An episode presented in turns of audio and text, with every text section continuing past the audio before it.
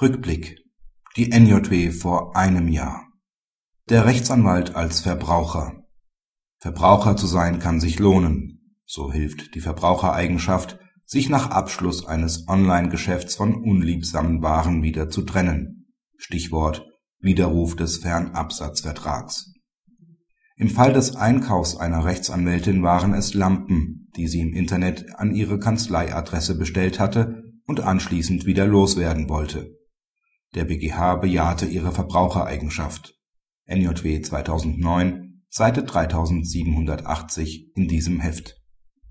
Trotz der Angabe der Kanzleianschrift als Lieferadresse sei der Zweck der Bestellung nicht der selbstständigen beruflichen Tätigkeit als Rechtsanwältin zuzurechnen, sondern ihrem privaten Lebensbereich, denn es lägen keine konkreten Umstände vor, die zweifelsfrei darauf hindeuteten das die Klägerin in ihrer Eigenschaft als Rechtsanwältin bestellt habe.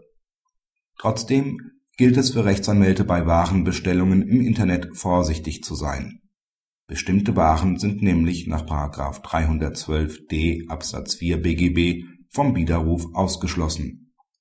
Rolf Becker und Carsten Föhlisch nennen in ihrem Aufsatz in der NJW von vor einem Jahr (NJW 2008, Seite 3751) beispielhaft Dessous, Deo-Roller und Diabetesstreifen und behandeln ausführlich die Problematik des § 312d Absatz 4 BGB, die fehlende Bestimmtheit